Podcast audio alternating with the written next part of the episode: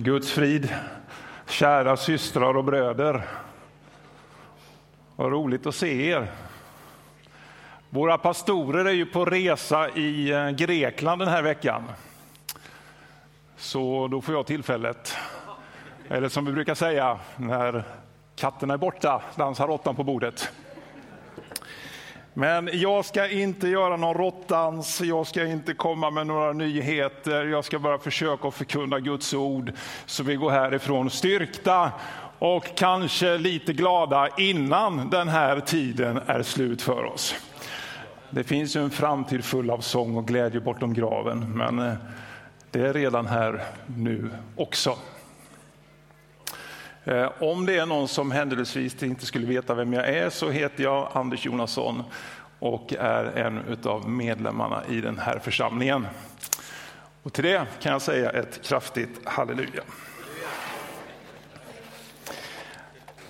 Nu pågår det en predikoserie i den här kyrkan som heter Den röda tråden i Nya testamentet.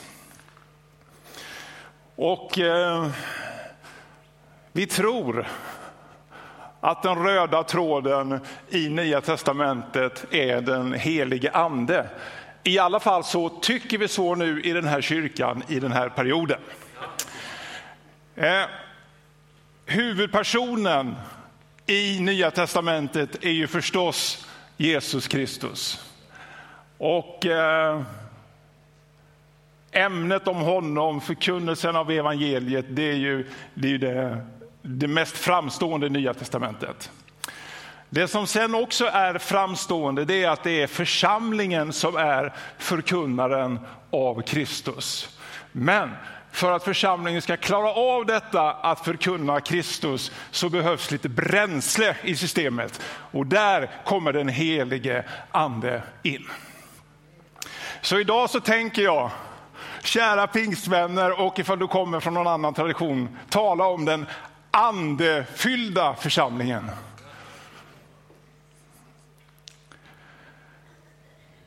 Den beskrivs eh, väldigt eh, bra i Apostlagärningarna. Det är ju liksom församlingen börjar där, den missionerande församlingen i alla fall. Och så får vi möta deras glädjeämnen och deras svårigheter genom Apostlagärningarna.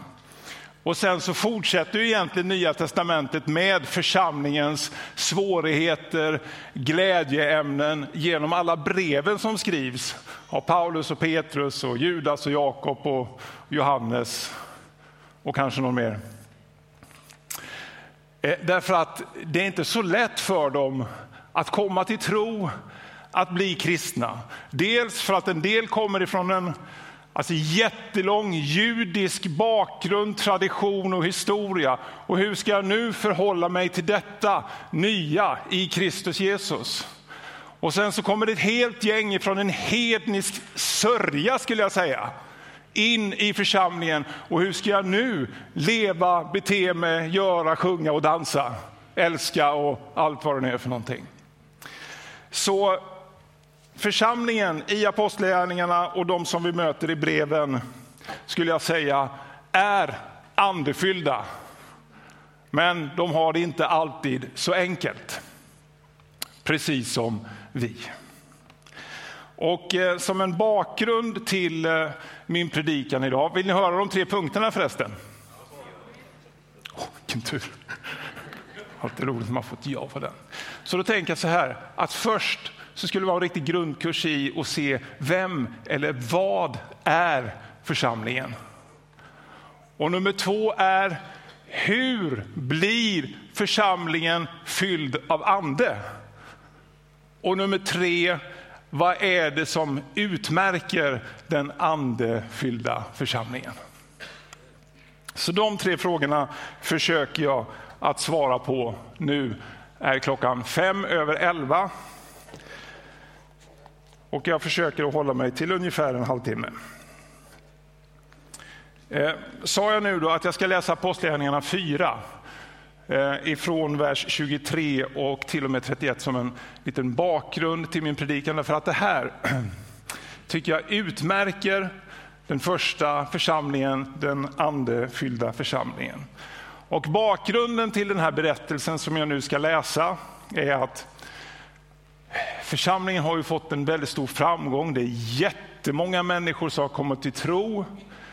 Eh, församlingen är väldigt omtyckta av folket, men av den religiösa eliten som styr och ställer en hel del så är de inte så populära. Och där är det ett kraftfullt motstånd. Till och med när Petrus och Johannes har varit och förmedlat helande till en lam person så gillas det inte.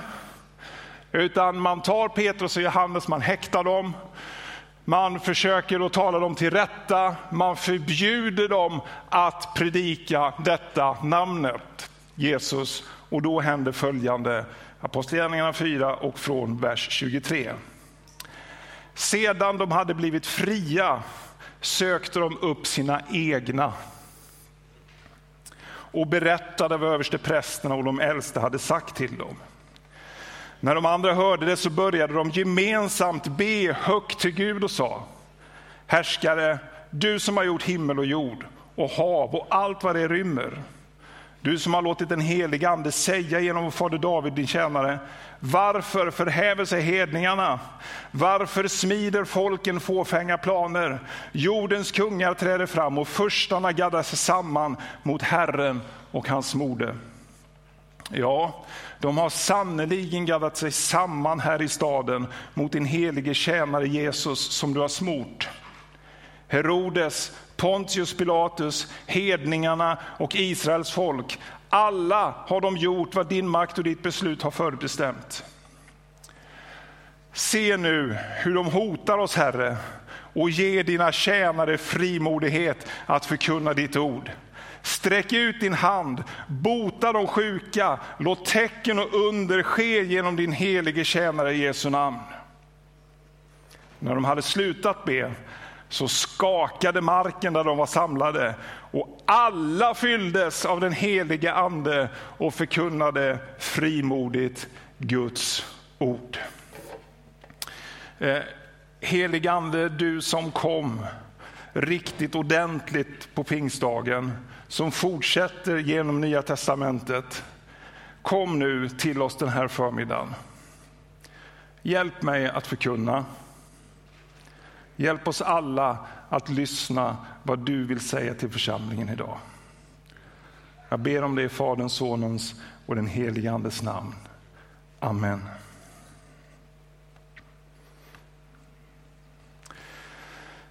Det här är en sån jättebra beskrivning av en församling. När Petrus och Johannes kommer ut ifrån förvaret, ifrån häktet, så vet de exakt var de ska gå någonstans. De går till sina egna. De går till sina systrar och bröder, de går dit de hör hemma. Eh, det finns många alternativ vart man kan gå, men inte för Petrus och Johannes. De vet var de ska gå. De ska gå till sina egna. Varför då? Jo, så de kan berätta vad det är som har hänt. Vad översteprästen de säger, vilket hot de lever inför. Och så utgjuter de sina hjärtan hos de egna. Och vad gör de egna då? Jo, då börjar de gemensamt be högt till Gud. Och man märker när de ber så påminner de sig också om Guds ordet. De är insatta i vad historien har sagt, vad Gud har sagt tidigare och så drar de in det i sin situation just nu, påminner sig själva och påminner, om, påminner Gud om detta. Och i denna svårigheten som uppstår, i denna bönen, så har de egentligen ett viktigt ärende. Det är att be om att de ska få frimodighet att fortsätta och leva i sin kallelse. De ber om att Gud ska sträcka ut sina händer och visa sin makt, bota de sjuka, göra under och tecken. Det är bönen. Är ni med på vad som händer här? Petrus och Johannes vet var de är hemma, de är hemma i församlingen. I församlingen så lyssnar man på varandra, man bär varandras bördor och man ber tillsammans till Gud som har all makt i himlen och på jorden. Man är grundad i ordet och så ber man, inte om att komma undan, inte om att allting ska bli bättre, utan man vet ett som är viktigt, det är att hur det nu än är, att vi får leva i våran kallelse och att Gud visar sin makt och sin härlighet. För dig som orkar lyssna på en predikan så långt, varsågod. För dig som orkar lite längre så ska jag nu ta tag i de här punkterna. Först och främst då, en påminnelse. Vad eller vem är församlingen? Jag tänkte lite grann så här i veckan, undrar om jag ska säga, vem är Kristi brud? Men då tänkte jag att då får det kanske många associationer. Och nu har jag ju Frisso redan sagt det, kanske att det är dags att ta tillbaka ett begrepp som har fått snedflyt. Va? Vem är församlingen? Vem är hon? Kristi brud.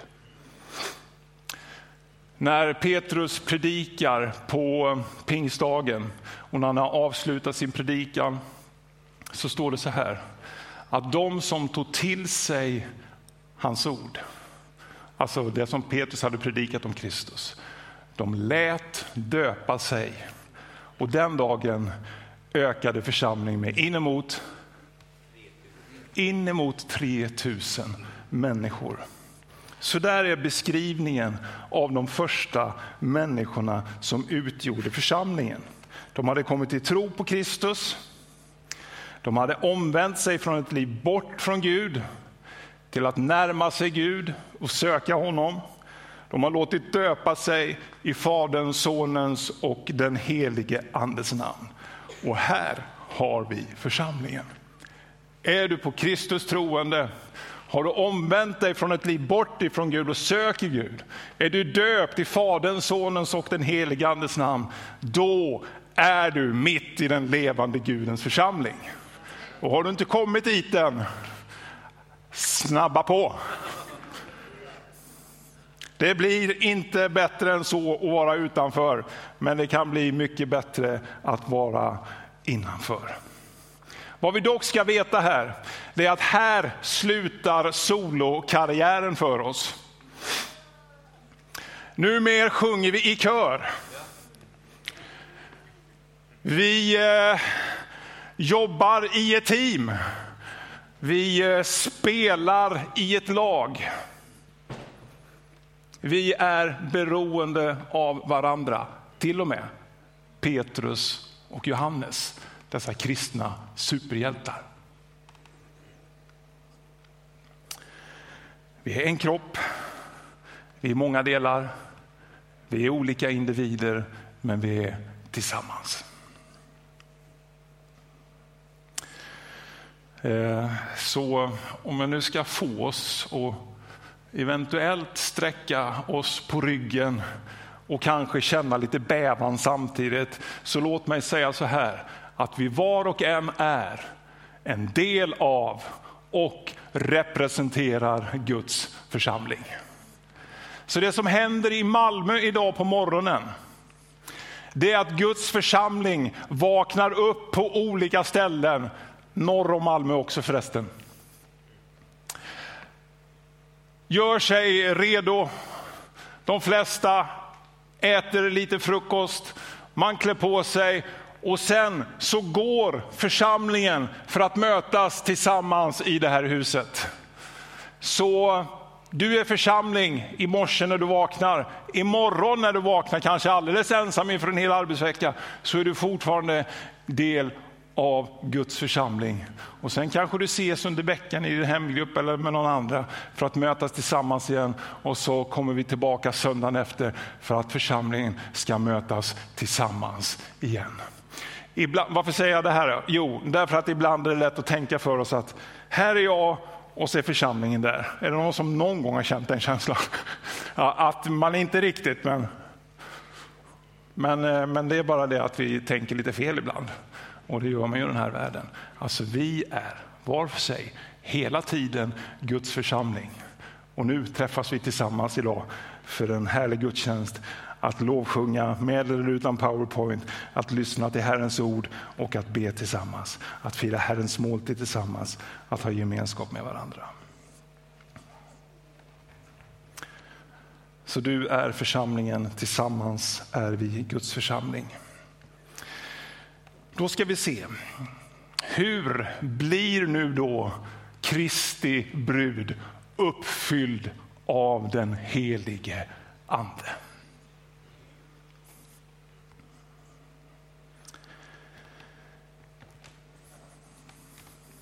Det här är spännande. Alltså det här är, eh, jag ska säga så här, eh, nu en liten parentes, ett litet personligt vittnesbörd. Att jag är ju uppvuxen i den här eh, pingst... Traditionen Där det var bön med böjda knän, bön om att få uppleva den heliga ande med beviset om att tala i tungor. Det är, liksom, det, det är min uppfostran och det är min tradition i detta. Eh, och den har jag levt i och sen så har jag upptäckt att det finns en del som tycker lite annorlunda också, hör och häpna. Som inte har alls den erfarenheten eller den upplevelsen.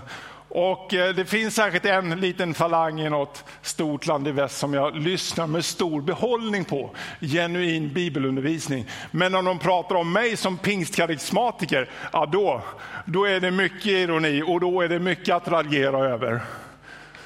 För att eh, där hör liksom andens mäktiga verkningar hemma liksom i, i Nya Testamentet, bland den första församlingen. Gud gör vad han vill, men det är inte särskilt aktuellt med detta. Och sen säger de så här, sen finns det ju en del som fortfarande talar i tungor. Och en del gör det riktigt bra. Alltså någonting som man har lärt sig, någonting som man har uppfostrat sig i, men alltså, i Jesu namn så finns ju inte det längre. Alltså, så vi har de här olika ytterligheterna. Det är, ju, det är ju fantastiskt vilken stor och bullrig familj vi är. Men vi är fortfarande familj, tänk på det, så länge vi tillhör Kristus Jesus. Men nu är parentesen slut. Eh, det som bygger på att en församling och att du och jag kan bli fyllda med helig ande, det är för att Jesus själv har lovat det. Eh, Andreas nämnde någonting om det förra veckan. Och eh, jag tror kanske att jag tar det bibelordet ifrån Johannes evangelium kapitel 16. Och ifrån vers 7 så står det så här. Men jag säger er sanningen. Det är för ert bästa som jag lämnar er. Ty om jag inte lämnar er kommer inte hjälparen till er. Men när jag går, då ska jag sända honom till er.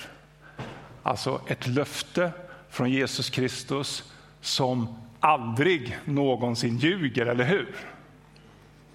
Så det är ett löfte ifrån honom. Han har tidigare sagt så här också, vilket verkligen får oss att vilja ha detta, för han säger så här att utan mig kan ni ingenting göra. Och han säger så här också, att ni har inte utvalt mig, utan jag har utvalt er till att gå ut i världen och bära frukt. Och varför säger jag nu det här då? Jo, det är därför att ibland så kan en pingstkarismatiker behöva slappna av lite grann. Sa jag slappna av, det sa vår son när han var liten. Sna, sla, slappna av heter det, precis ja. Alltså, det handlar inte om att vi försöker hämta eller pressa fram den heliga ande. Utan det som är, det är att någonting som Jesus ger. Någonting som han har lovat. Och det är mycket bättre att förlita sig på det än ens egen förmåga att pressa fram den heliga andes rörelse i sitt eget liv. Det skulle jag själv säga är ett starkt amen på i alla fall. Men vad som ändå behövs, det är att det finns en mottagare också.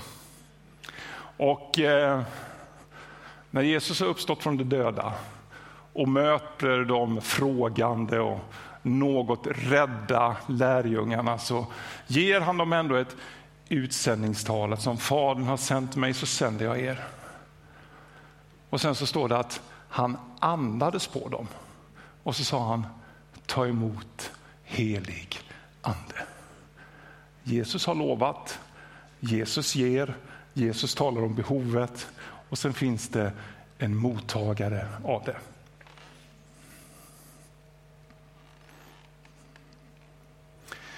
Och nu tänker jag att jag ska berätta några exempel utifrån apostlärningarna hur detta händer. Eh, jag skulle säga så här, hur detta hände då.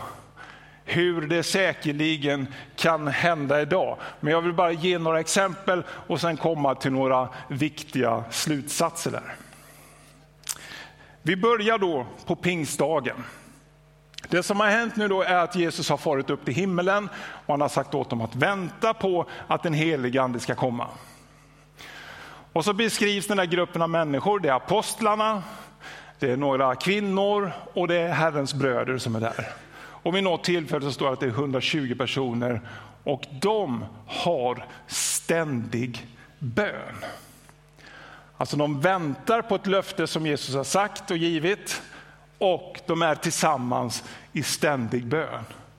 Och sen helt plötsligt när pingstdagen är inne så händer det att då kommer den helige ande pang bom och uppfyller alla i rummet med sin heliga ande. Och där är det så, alltså det är så intressant och festligt för att där ser det ut som eldstungor ovanför människorna är det beskrivet. Vet inte varför. Men jag ser ingen här just nu. Vi får vänta tio minuter till och lite bön så ska vi se ifall vi får någon eldstunga på något huvud här. Det är inte det viktiga. Det viktiga här det är att de väntar och de ber tillsammans och plötsligt så händer det. Vi har redan läst ifrån Apostlagärningarna 4. Där är de ju också samlade eller hur? De började gemensamt be högt till Gud. Nu var det något helt annat. Nu väntade de inte eh, på någonting särskilt. Nu hade de ett gigantiskt behov. Alltså deras frihet att förkunna evangelium håller på att inskränka. Och nu ber de och tar det här med Herren. Och så förklarar de situationen för Gud och sen säger de amen och helt plötsligt så börjar marken skaka och alla fylls av den helige ande. Och där händer samma sak som det hände på pingstdagen, att de frimodigt förkunnar evangelium efter det. Jag ska ta ett, nej det blir två exempel till. Det hinner vi med, det här är jätteroligt. Eh, de får inte det bönesvaret som de kanske hade velat att det skulle lugna ner sig lite grann.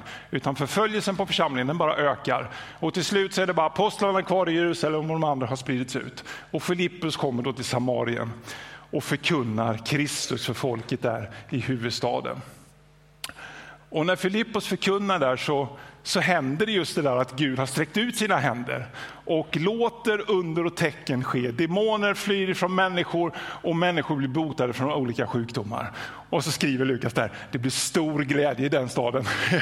Jag fattar. Det här får apostlarna i Jerusalem höra talas om. Att evangeliet har förkunnats och att det har mottagits och många har blivit döpta. Och nu känner de så här, nu måste vi åka ner. Och sen ska vi be för människorna där så att de får uppleva den heliga ande. För av någon anledning så har inte det hänt här och jag vet inte varför. Men Petrus och Johannes åker ner och som träffar de någon troende, pratar säkert lite grann, kanske tar en riktigt svensk fika, men sen så ber de för dem, lägger händerna på dem och vad är det som händer? Jo, de blir uppfyllda av den helige ande. Och det märks. Mitt sista exempel på där det riktigt märks, det är när Petrus predikar hemma hos Cornelius. Cornelius har samlat hela sin familj, sin släkt och sina närmsta vänner och så har han bjudit in Petrus för han har hört liksom att Petrus har någonting att säga. Och sen så håller Petrus samma predikan som han gjorde på pingstdagen, ungefär. Och nu är, nu är det jättemärkligt. För nu håller på Petrus på och, och predikar. och under tiden som han talar så händer det någonting. Då kommer den helige ande över alla de människor som lyssnar där. Och då kan man ju undra, hur vet de det då? Jo, därför att det märks. Därför att där så börjar de tala i tungor och där så börjar de prisa Gud. Vad som är lite tryck här, det är att ingen av dem är döpta än. Så då känner jag, aha, det mönstret kan vi tydligen inte följa riktigt. Men det gör ingenting, därför att anden blåser som han vill. Men när de har fått uppleva den helige ande, dessa hedningar, så fattar Petrus och de andra att de här kan gott och väl döpas och bli en del av församlingen. De här fyra sammanhangen som jag nu har berättat om, där riktigt hörs det, märks det och syns det att den helige ande kommer på riktigt. Var är du någonstans Roxanna? Här skulle det passa bra. Gloria adios! Sådär ja.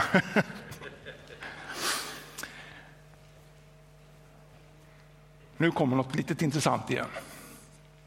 Och det är att vi har ju en stor missionär som nu våra pastorer är ute och letar efter hans fotspår i Grekland, Paulus.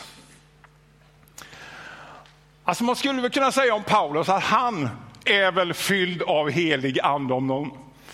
Han påstår det själv, han säger att jag menar att även jag har Kristi ande. När han kommer till tro, han får möta Jesus på väg till Damaskus. Han blir blind av mötet med Jesus. Han får höra Jesu röst. Han vet inte riktigt vad det är frågan om. Men han får hjälp när han har kommit in i Damaskus, varit där några dagar. Så kommer det en man som heter Ananias till honom. Ananias är jätterädd för Paulus. Därför att han vet att Paulus är bara ute efter att fängsla och vara med och förinta den nya rörelsen som bekänner Jesus Kristus som Herre.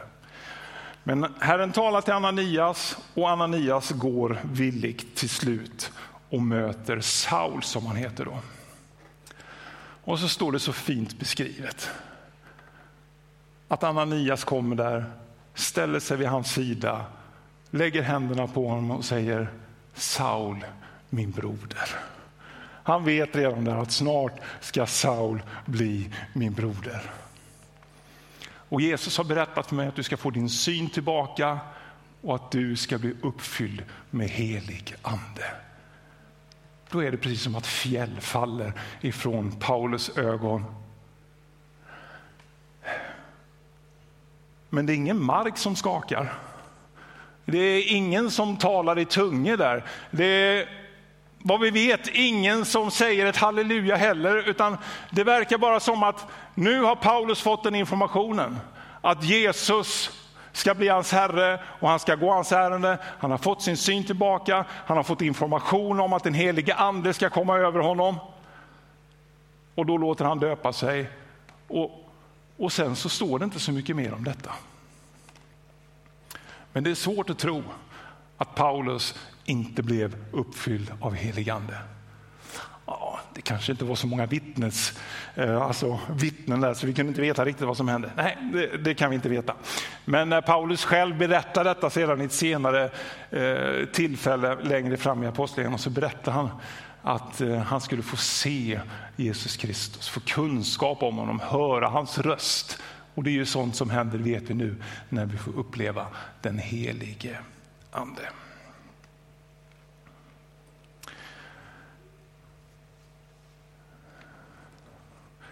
Likadant är det faktiskt när Petrus predikar på pingstdagen. Där har det ju smalt till ordentligt. Men då säger han så här, om ni tror på Herren, om ni omvänder er, om ni låter döpa er, då får ni den helige ande som gåva. Ja, varför säger jag de här sakerna nu då? Jo, det är för att vi inte ska snöa in på ett spår som vi tror att så här ska det alltid vara eller gå till. Vad vi kan lära oss av de här grejerna, det är att anden, man upplever uppfylls av den heliga ande där Guds ord förkunnas och där man ber och där man är tillsammans. Det är det viktiga. Det finns en väldigt viktig sak till här. Nu får jag snabba på.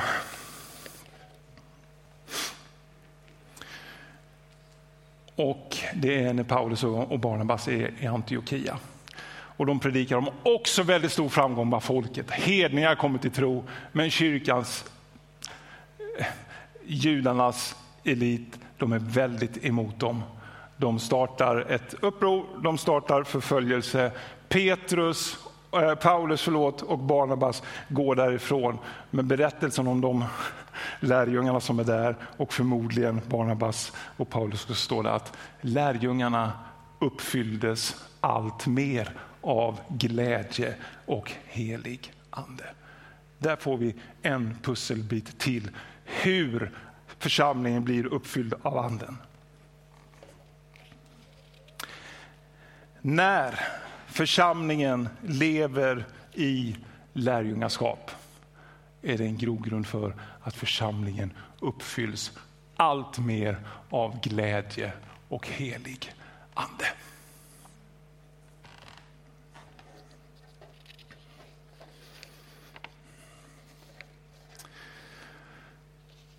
Då ska jag gå in bara för att, tala om några saker som, som kännetecknar eh, Eh, den eh, andeuppfyllda församlingen. Och det har förstås redan kommit fram. Men den andeuppfyllda församlingen den förkunnar Kristus och den prisar Gud oavsett omständigheter. Vill du vara med där? Den andeuppfyllda församlingen, den hjälper människor, utsatta människor, människor som har behov. Vi har flera berättelser av det i Apostlagärningarna. Den andeuppfyllda församlingen, den ber om Guds rikets utbredande.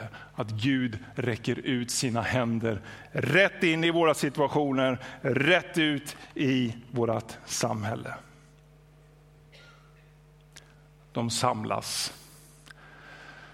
De samlas och de gör det troget.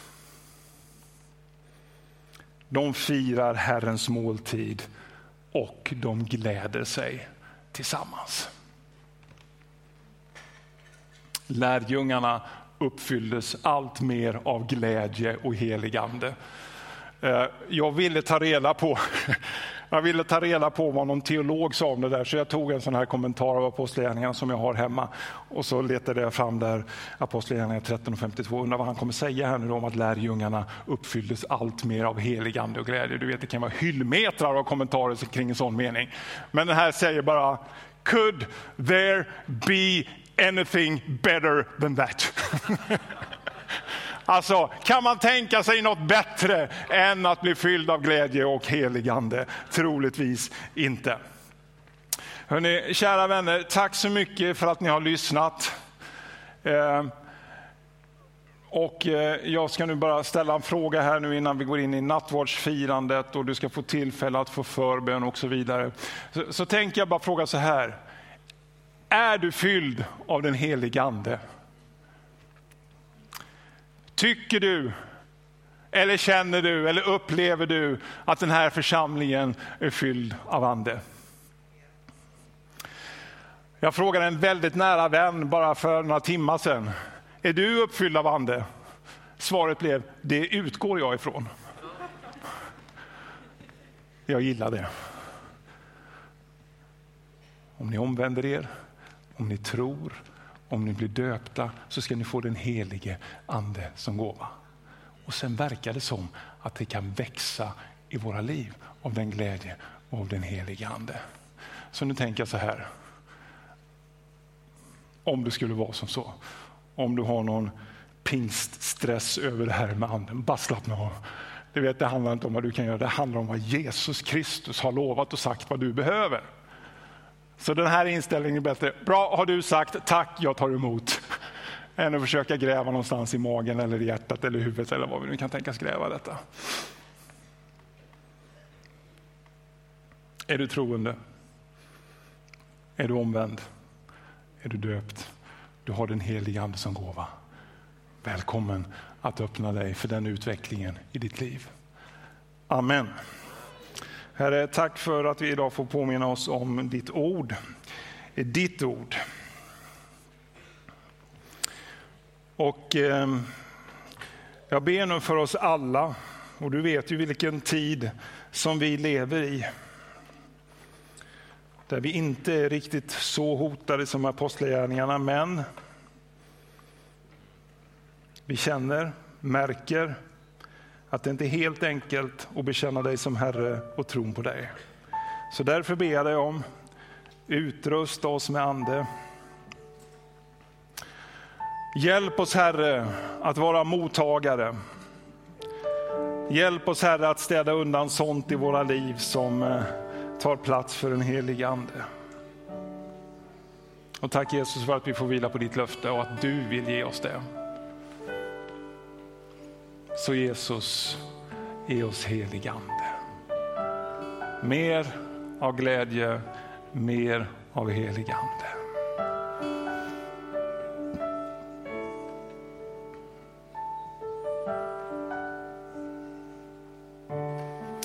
Helig Ande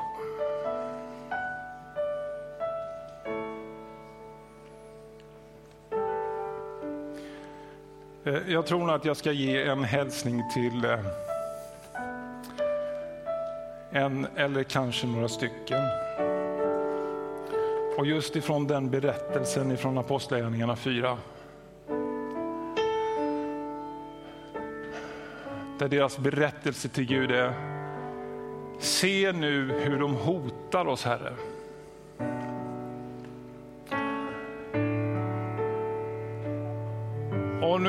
Så att du känner dig hotad. Eh, kanske inte just förföljelse av din kristna tro. Det kanske är någonting annat som pressar på i ditt liv. Eh, och du känner att nu vill du bara dra dig undan. Nu vill jag inte vara med längre. Då skulle jag vilja säga till dig att du gör likadant som församlingen i Apostlagärningarna gjorde i kapitel 4.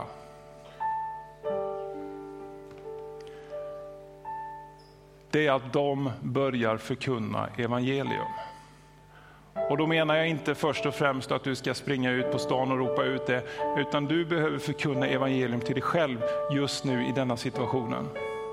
Vad Jesus Kristus har lovat dig, vad Guds löften säger, vad bönen kan göra i ditt liv. Så greppa tag nu i evangeliet istället för att smita eller försöka komma undan. Jesus kommer att hjälpa dig. Herren kommer gå vid din sida. Ta emot hans löften, ta emot hans hjälp. Ta emot syskonens hjälp också. Jag hoppas att du har några runt omkring dig som du kan be om hjälp att bedja just i denna situationen som hotar dig.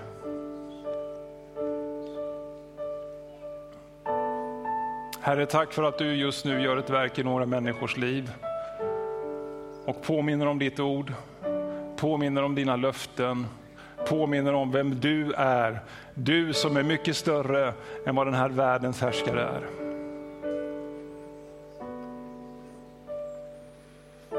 Tack för din omsorg om oss. Amen.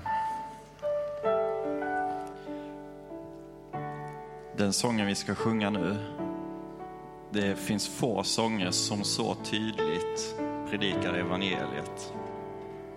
Så verkligen ta det till er, gör det till ert manifest, gör det till ert liv. Så sjunger vi evangeliet tillsammans. Så vi ställer oss upp och så sjunger vi den här sången.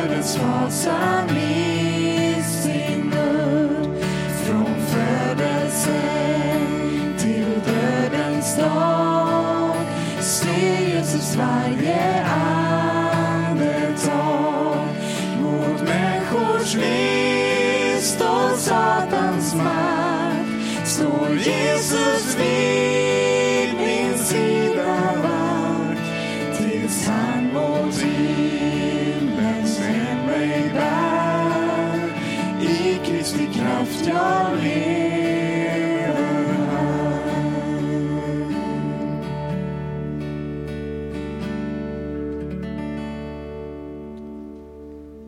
Guds frid, mina bröder och systrar. Vi tackar Gud att äh, även idag äh, vi är lyckliga att vi är i Herrens hus. Och äh, jag känner mig lycklig kan man säga och det borde vi göra allihopa. För att vi är i livet och vi har den här nåden att kunna komma inför Gud och kunna fira nattvarden. Eh, jag brukar säga Gud som har skapat himmel och jorden välsigna oss allihopa.